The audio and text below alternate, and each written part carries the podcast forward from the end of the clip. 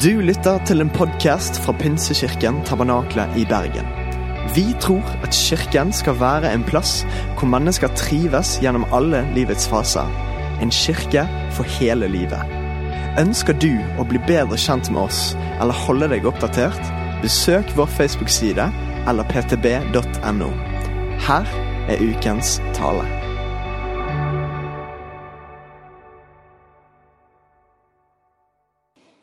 Jeg eh, er til vanlig, eller jeg er utdannet psykolog og jobber til vanlig som skolepsykolog i Ytrebygda nå.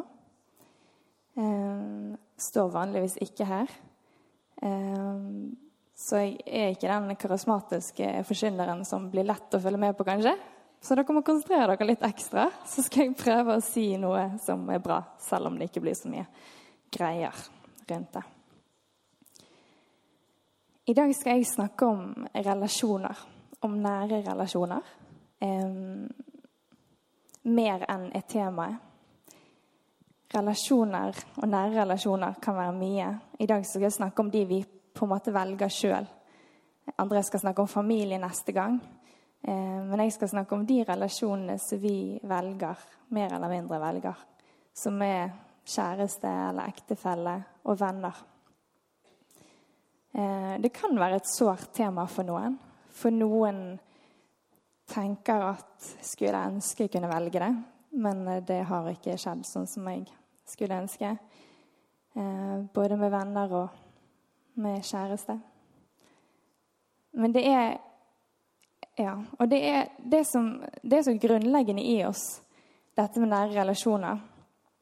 Og det vil jeg si litt om først. fordi at um, Gud han har skapt oss til nære relasjoner. Til relasjoner. Det sa Benjamin her. Har, hvordan kan vi vite det? Altså, det ene er at han har skapt oss i Guds bilde. Og Gud er jo, om vi forstår det eller ikke, en relasjon i seg sjøl. Han er en pakke av Gud, Faderen, Sønnen og Den hellige ånd. Så selve Gud er en relasjon, og vi er skapt i hans bilde litt komplisert og vanskelig å forstå. Men jeg tror det har noe med dette behovet vårt å gjøre.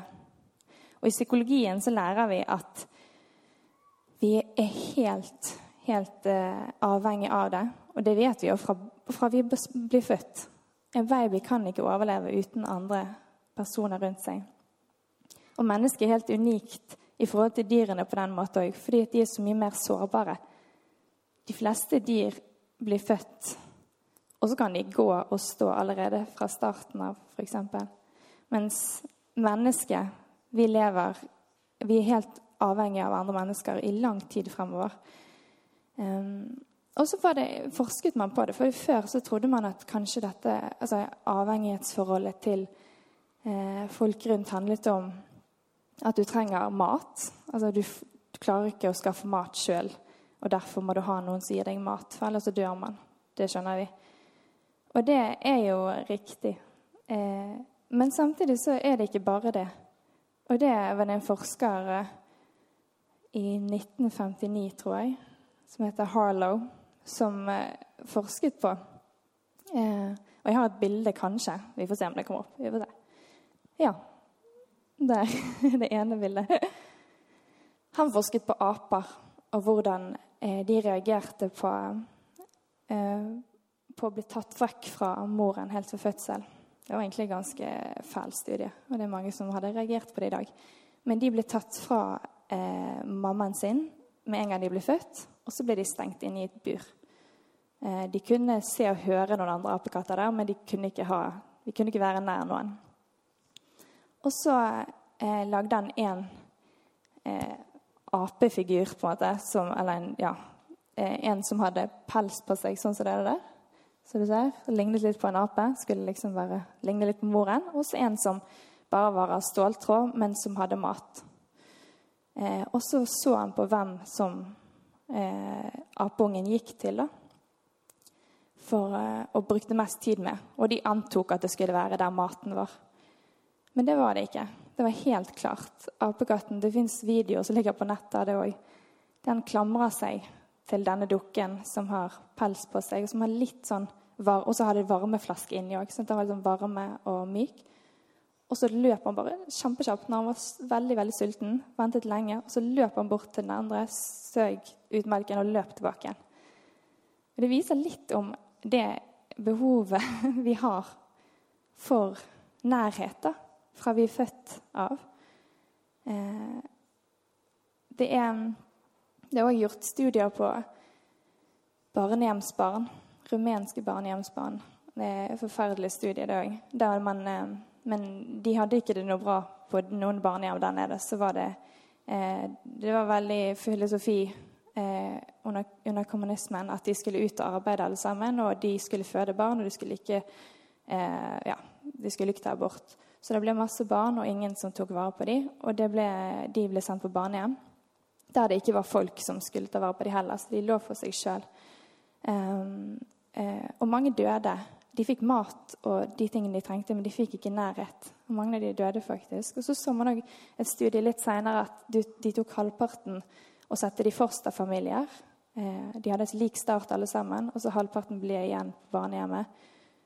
Og da så de faktisk at de fikk en varig hjerneskade når de målte dem når de ble tenåringer. Eh, ved at ikke de fikk den nærheten og ansikts... Altså at de ble sett i ansiktet og ble tatt på å være fysisk nær. Eh, fremfor de som hadde samme start, men som da kom i fosterfamilier. Så både Bibelen viser oss at vi er skapt til relasjoner, og forskning viser at det er ekstremt viktig for oss. Vi dør uten, eller blir veldig skadet. Um, men vi er jo litt forskjellige da, på hvor stort behov vårt for relasjoner er. Selv om alle har et grunnleggende behov, så er vi litt forskjellige på hvor mange og hvor mye og hvor lett vi får venner, og hvor mange venner vi ønsker å ha. Um, noe av det kaller vi ekstroversjon og introversjon. Hvis dere har hørt om det. Utadvendt og innadvendt, kan man òg si.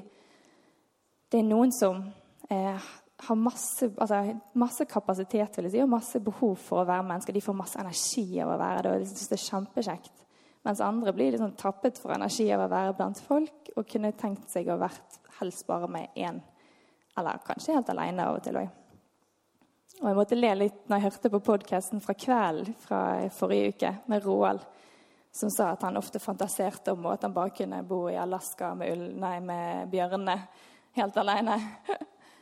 Eh, og det fantaserer jeg òg om. Ikke helt. Men jeg har vært ganske bare sånn sitte alene oppe i skogen i hytte der ingen andre mennesker og kan bare sitte og forholde meg til meg sjøl. Og det er jo litt interessant at de velger to sånne mennesker til å snakke om dette temaet her.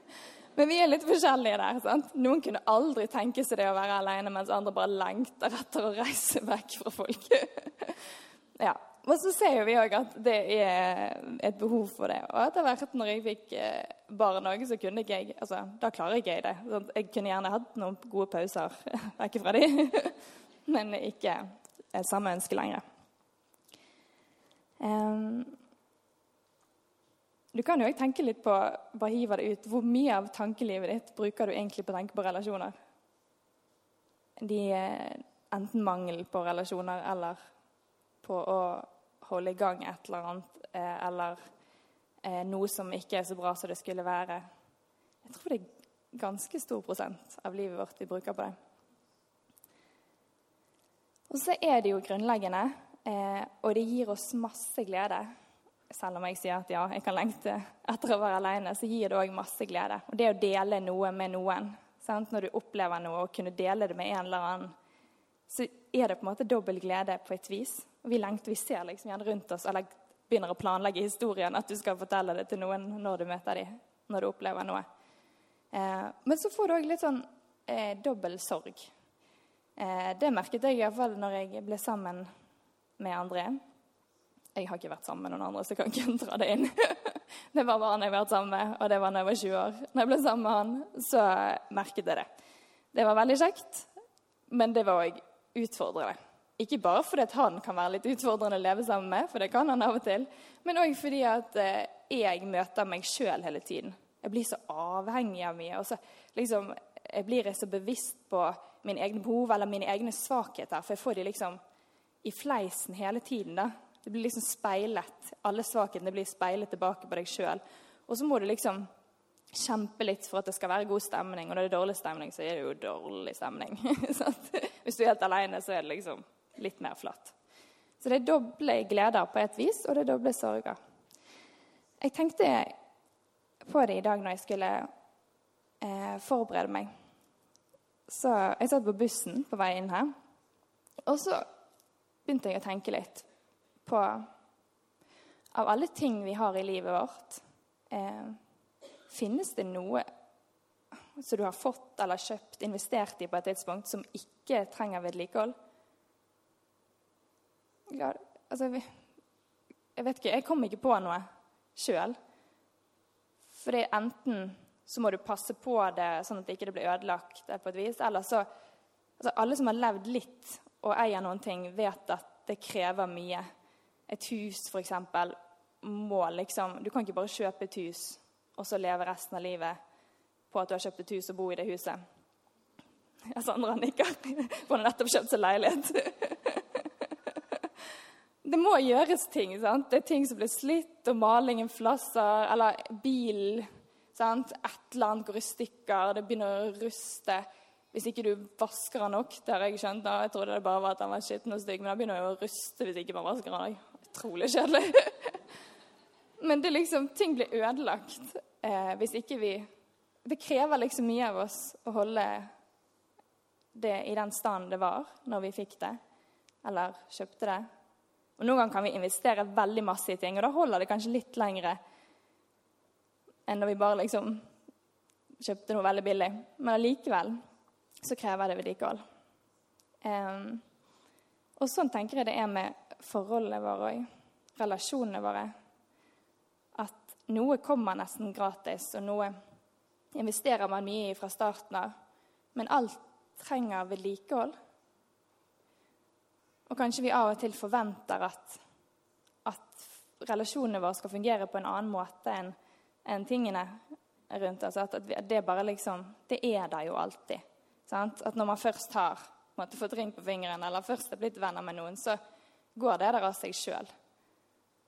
Men det gjør jo ikke det. Det krever jo vedlikehold på samme måte som alt annet i livet vårt. Enten noen de som har et hjem eller har flyttet hjemmefra, eh, merker det spesielt. Og det er de fleste her nå. Men det er ting som må gjøres daglig, som er kjedelig, kanskje. Daglig må du liksom ta oppvasken, eller iallfall sette i oppvaskmaskinen. Du må ja, tørke av bordet. Må, det er sånn, noen daglige ting som bare må gjøres. Hvis ikke så får du etterslepet, og det blir kjipt.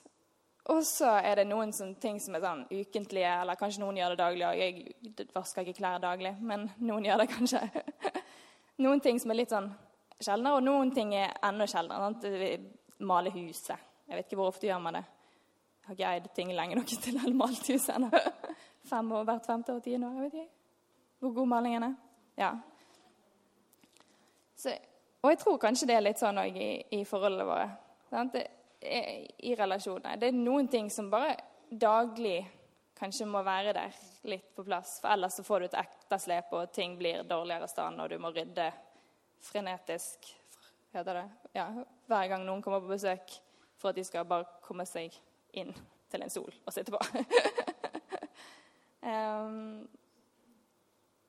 og en sånn superkjapp samfunnsanalyse som ikke er veldig dyp, det er jo altså, denne bruk-og-kast-samfunnet vi lever i i dag, så er jo det kanskje at vi både med tingene våre og kanskje det smitter over litt på relasjonene våre, at vi kjøper noe kanskje litt billigere òg, og så, så, ser vi at det krever litt, men så orker ikke vi investere i det, for vi kan bare liksom kjøpe en ny en seinere. Eller det kanskje kommer noe kulere på markedet òg, sant en ny, kul telefon med nye gadget, eller en elsykkel som, som du slipper å trø nesten sjøl. Så da kan du bare Den der som står og ruster der, trenger ikke å vedlikeholde den, liksom. Det er jo sant? Vi har Vi har jo penger. Vi er vant til å kunne kjøpe oss litt ut av ting. Og vi kan jo kjøpe oss ut av ganske mye. I, du kan få noen til å male huset ditt, du kan få noen til å klippe plenen din. Men du kan ikke få noen til å pleie relasjonene dine. Det er kanskje det som skiller. Det går ikke an. Noen prøver. Noen prøver å kjøpe seg ut av relasjoner òg. Men det, det, fungerer ikke. Der må du investere i. Og så kan jo vi òg kan jeg kaste ut der at det kanskje av og til kan være fint å ikke bare bruke og kaste ellers i samfunnet òg. Men, eh, men, i relasjonene våre særlig. At vi investerer i dem. Vi vedlikeholder dem. Det gjelder både vennskap og, og forhold. Kjærlighetsforhold. Det er, det er litt vanskelig, syns jeg, med vennskap. Jeg syns at jeg, liksom, jeg, er litt ambivalent inni meg. For på den ene side syns jeg at vi skal akseptere at det er litt sesonger i livet vårt. Og at er noen sesonger så er disse menneskene inne i livet vårt. Og vi kan glede oss over at de har vært en stor del av livet vårt. Og så akseptere at sånn er det ikke i hele livet. At noen kan vi på en måte slippe. Mens kanskje vi skal i større grad sette oss ned og si at disse personene her velger jeg å investere i, for disse ønsker jeg å ha i livet mitt lengre. For det er noen, særlig i noen faser av livet, der man plutselig har veldig, veldig mange relasjoner. Hvem skal man prioritere? Og så blir alt sånn venstrehåndsarbeid. Eller alt blir liksom sånn halvveis. Hvem er det man egentlig skal prioritere og investere litt ekstra i, da? Hvem skal være de relasjonene dine som du skal ha livet ut? Er det noen av de du har i livet ditt nå, som du ønsker skal komme enda nærere? Og de måtte jeg investere litt ekstra i de og godta òg at noen kommer og går i livet ditt, og at det er greit, det òg. Men at du gjør det bevisst, og ikke bare lar det fade ut sånn ubevisst. Og så når det gjelder eh, ekteskap eller kjærlighetsforhold, så er jo dette kompliserte ting. Og jeg har virkelig respekt for at det er mange som sitter her med sin historie, der ikke jeg som har vært gift i ti år, skal komme og si noe, tro at jeg kan komme og si noe smart om hvordan det er å leve lenge sammen. Men det er eh, Og ting er komplisert, og vi har sår. Både fra kanskje vennskap som gikk dårlig, og som avsluttet på dårlige måter, eller, eller, kjærlighetsrelasjoner som ikke ble sånn som man tenkte. Um, ja. Jeg vet at det kan være sånn, og jeg har, min, eh, jeg har respekt for det. Bare sånn at det er sagt før jeg snakker videre. For nå eh, skal jeg gå litt inn i hvordan. Hvordan skal vi gjøre dette? Hvordan skal vi leve nært til mennesker når det òg koster? Sant? Det koster, og det trengs vedlikehold. Um,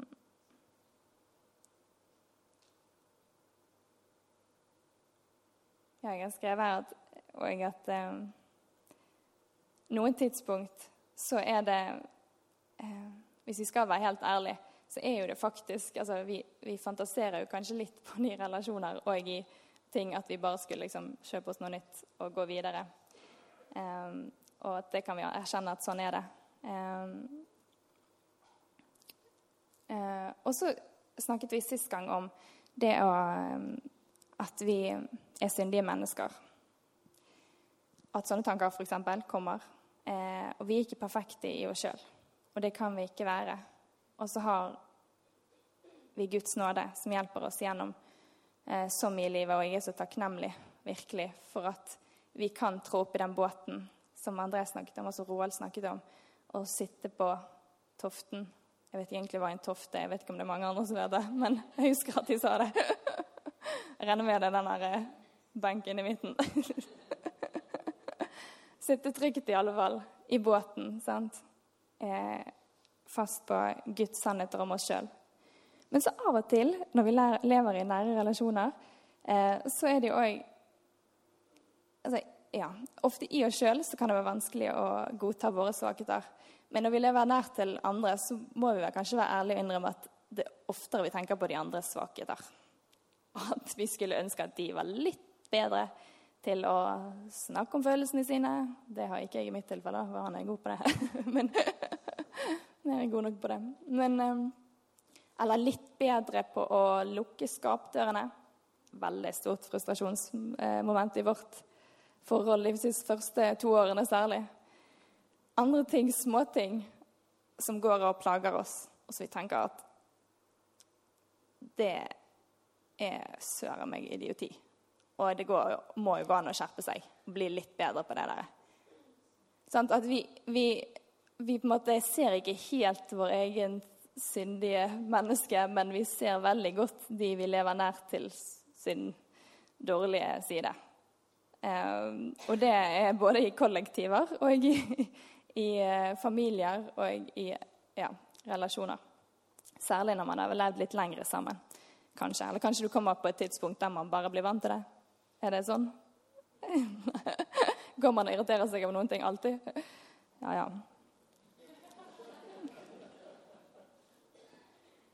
Vi kan jo håpe sant, at det går over. Det er um, jeg, jeg, tenkte på en litt sånn Kanskje vi av og til trenger en EU-kontroll. At ja, det er noen sånne daglige ting og sånn som skal fungere. Men at vi av og til trenger en EU-kontroll eller pitstop der vi tar temperaturen på våre relasjoner. Setter oss ned og tenker litt igjennom hvordan, egentlig, hvordan er det egentlig mellom oss nå. Um, er det noe som vi bør ta tak i? Uh, er det noe jeg kan gjøre annerledes for at du skal ha det bedre? For i hverdagen så tenker vi kanskje mest litt sånn småtanker om hva den andre burde gjort annerledes.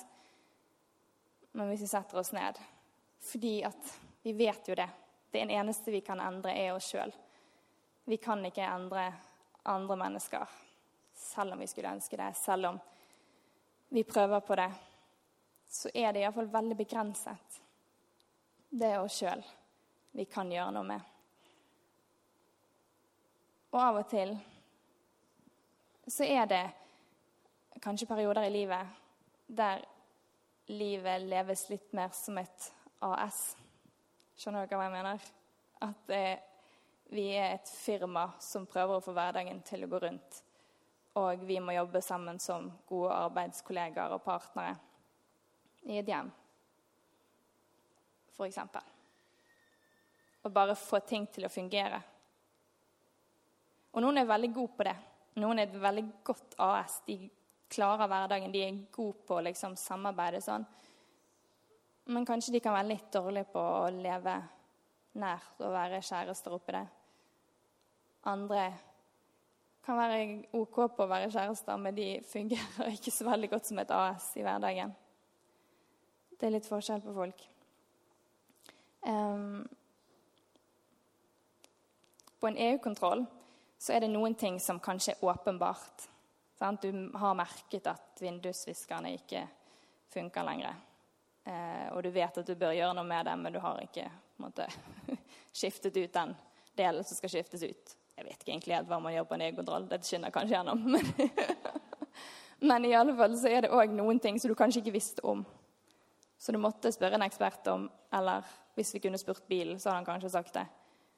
Um, så det kan dukke opp ting som du ikke var helt klar over. Og det å spørre er det noe her, er det noe jeg kan gjøre annerledes for at vi skal ha det bedre, eller er det noe du mangler, er det noe du har behov for i relasjonen vår? Det kan være et veldig forløsende spørsmål, tror jeg. Og noen ganger så tror jeg at det er veldig lite som skal til eh, når det har gått litt i stå. Iallfall tenker jeg på mitt liv i de gangene det har vært kjipt i forhold, så har jeg tenkt at det er jo bare helt Nå er vi langt ut på dette kommer, hvordan kan vi klare å ordne dette her? Og så er det kanskje én dag der vi setter oss ned, ser hverandre i øynene og bare snakker litt sammen. Eller finner på en kjekk ting sammen. Prioriterer hverandre. Og så plutselig så er det et eller annet som er forløst. Og vi er litt forskjellige. Eh, og mange her har sikkert lest om kjærlighetsspråkene og sånn. På hvilken måte man mottar kjærlighet og gir kjærlighet. Det er relevant både i vennskap og i forhold, men særlig når man lever veldig tett på noen. Og med barna sine, for så vidt. Og nå tror ikke jeg alltid at, at det er liksom sånn at må ha, noen må ha gaver hele tiden, eller noen må ha gode ord hele tiden. Men vi har ulike behov til ulike tider, og det er ikke alltid vi snakker det samme språket. Du kan tenke at alt er greit med din venninne, og så merker du bare at det er et eller annet som er liksom skurrer litt her, men du skjønner ikke egentlig hvorfor hun syter hun så mye over de tingene, eller trekker hun seg unna. Eller i forholdet, sant, at, at jeg har, kjøper jo blomster hver fredag. Helgeblomsten, hva mer kan du kreve av meg? eller sant, man, Men man snakker litt forskjellig språk. Og det å sette seg ned og så si OK, hva er det faktisk jeg har behov for? Eller hva kan jeg gjøre for deg? eh, kan være veldig lurt og forløsende for mange, tror jeg. Og så er det helt klart at det er noen ganger sant? Når man har gått altfor, altfor lenge uten vedlikehold på ting, så blir det råte, og det blir rust, det blir ødeleggelser som er vanskelig å, å, å rydde opp i. på en måte. Det er vanskelig å fikse. Det krever mer.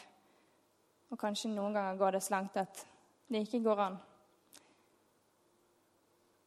Men derfor tenker jeg at å ta sånne jevnlige stopp, og ikke tenke at det er for seint å gjøre noe med dette nå, sant? eller nå må vi bare godta å leve livet ut sånn som dette her. Men at det faktisk går an å si at ja, kan vi gjøre noe annerledes for å få det bedre sammen?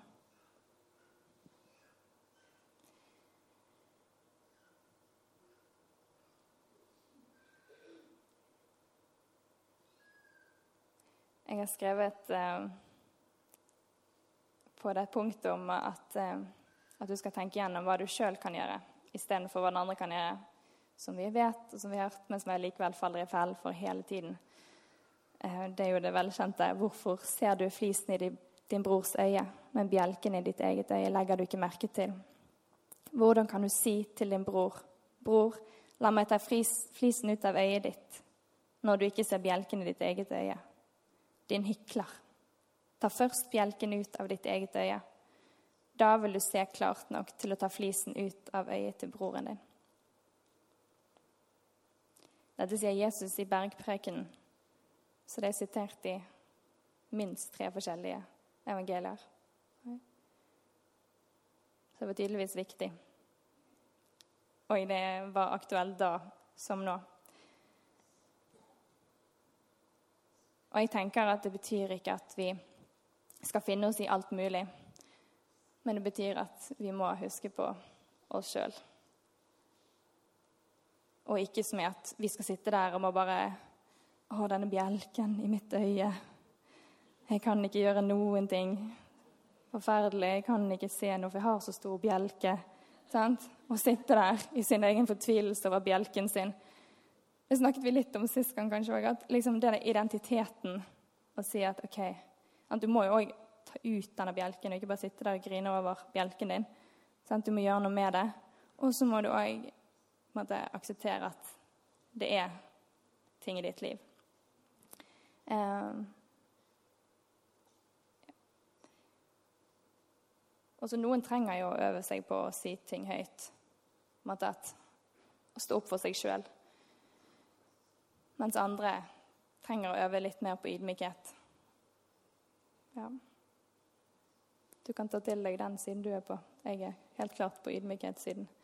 Men vi er forskjellige. Um,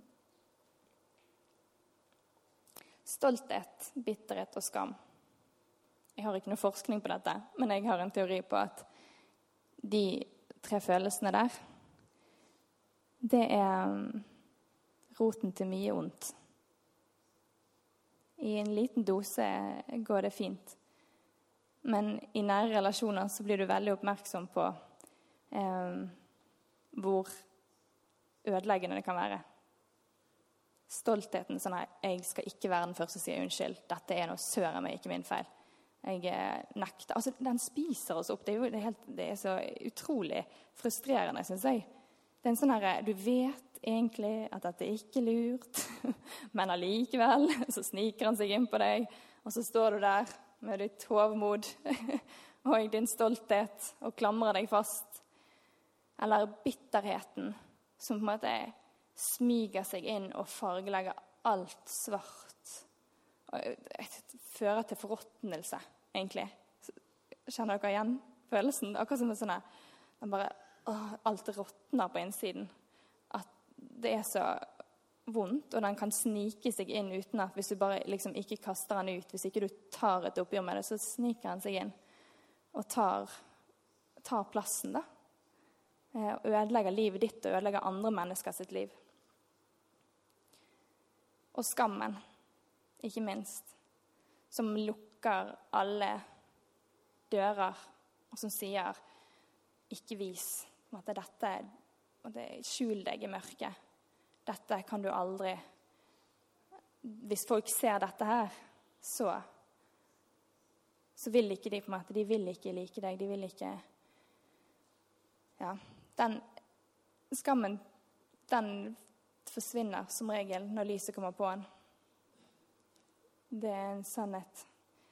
Den trives i mørket, og den forteller deg at den for all del ikke må få lys på seg. Men får han lys på seg, det er som troll forsteiner det og blir borte. Men hvis du ikke gjør det, hvis du ikke slipper lyset inn, så sprer mørket seg og kan gå utover den enkelte tingen og utover så mye annet. Og kan gå utover dine relasjoner i veldig stor grad. Jeg eh, Har dere sett Frozen, eller Frost? Jeg regner med at alle med småbarn har sett den. Anki, du har sikkert sett den. Eh, det er en stor hit. Det er en Disney-film eh, for de som ikke har sett den. Med Elsa som i hovedrollen. To prinsesser som vokser opp i Norge. Norske prinsesser. Det er kult. Kjempestor Disney-suksess. Hovedpersonen heter Elsa. Hun er eldst av de to søstrene. Og hun har noen spesielle krefter, men så eh, En dag så skader hun søsteren sin. Hun kan skyte sånne, gjøre ja, ting til is. Det er kreften hennes. Ja. Og en dag så skader hun søsteren sin når hun skal holde på å lage snø inne. Eh, sånn at hun treffes i hodet. Eh, men så kommer det noen og kan hjelpe, for et frossent sinn Ja, steintrollet, riktig. de kommer og hjelper og kan eh, fikse dette her. Men, men, Elsa hun må leve, hun må pakke kreftene sine ned. og Hun lever i skjul for andre og, og skammer seg over den siden av seg sjøl. Hun er redd, hun stenger seg inne og, og bryter kontakten med omverdenen.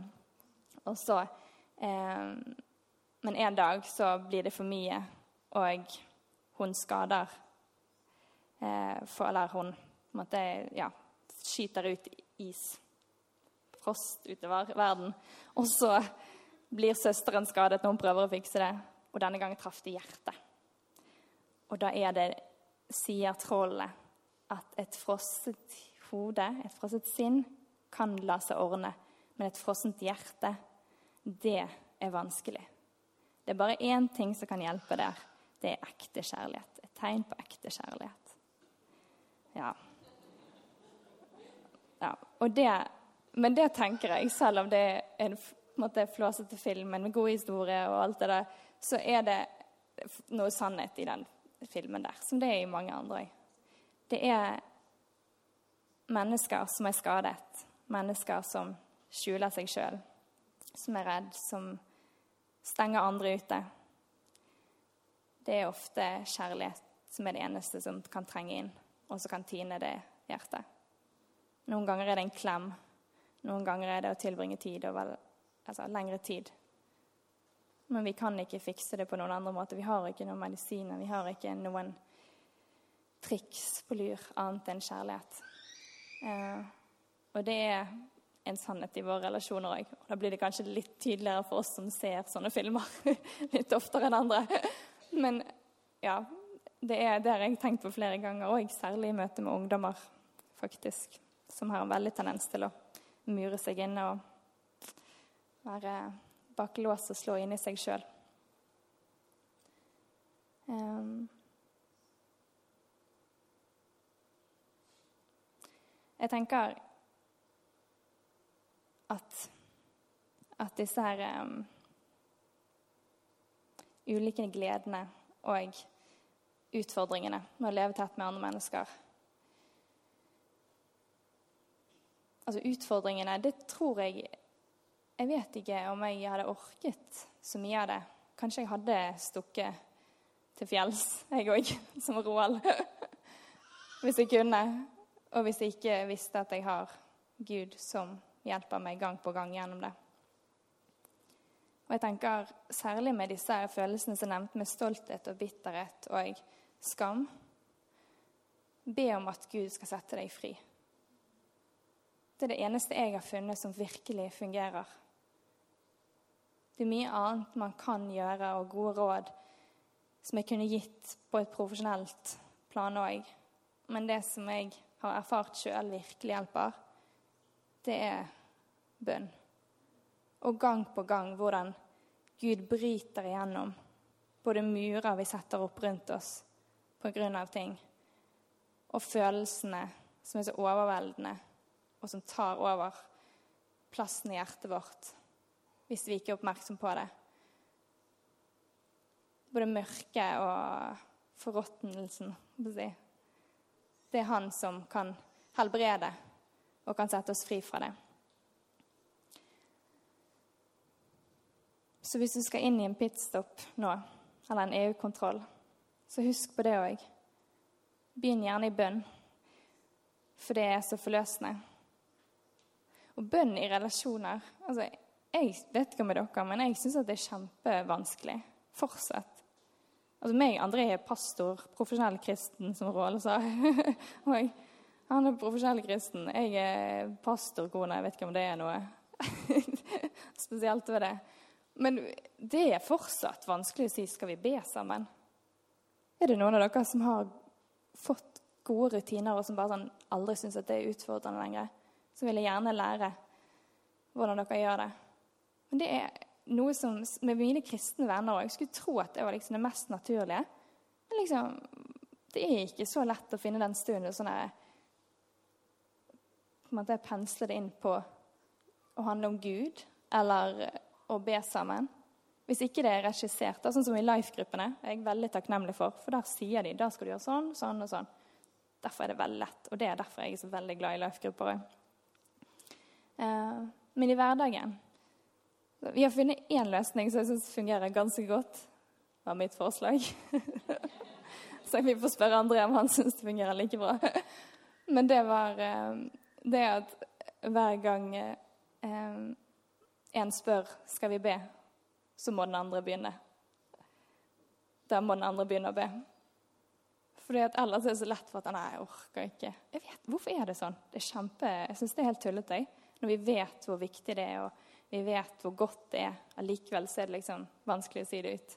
Men hvis jeg kan liksom bare si det, og så stikke av ansvaret fra ansvaret, så er det litt lettere. Og da skjer det litt oftere. og det er veldig deilig. Og så er det så godt å bli bedt for sånt. Eh, det, og da er det på en måte, det går jo begge veier. Så den som sier det først, slipper ansvaret. Anbefales å prøve. um, ja. Men å sette Det kan dere tenke altså Prøv å tenke litt på hvordan setter dere plass til Gud i relasjonene deres. Setter dere av tid til han med vennene deres og med, med eventuelt ektefelle. Noen ganger er det vanskelig fordi at, at det ikke er Altså, den andre parten er kanskje ikke kristen. Men jeg tenker han kan ha kanskje en At man skal være litt bevisst hvilken del man gir til Gud likevel i det, og at vi kan ja, gi Gud litt plass der òg. Og i de relasjonene vi har der begge kristne. Hvordan gjør vi det?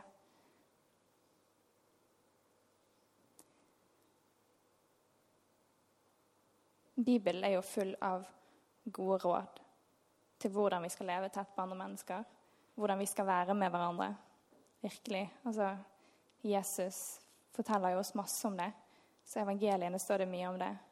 Og ordspråkene er òg fulle av masse visdom. eh, på hvordan leve med nært andre. Og så er det noe vi pleier å lese, så kan få det opp på skjermen, Kolossene 3.12. Pleier vi ofte å lese i, i bryllup. Men han sier jo det til en menighet, så det gjelder alle. De vi har en relasjon til.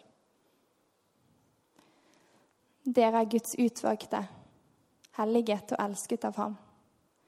Kle dere derfor i inderlig medfølelse og vær gode, milde og ydmyke og tålmodige, så dere bærer over med hverandre og tilgir hverandre hvis den ene har noe å bebreide den andre.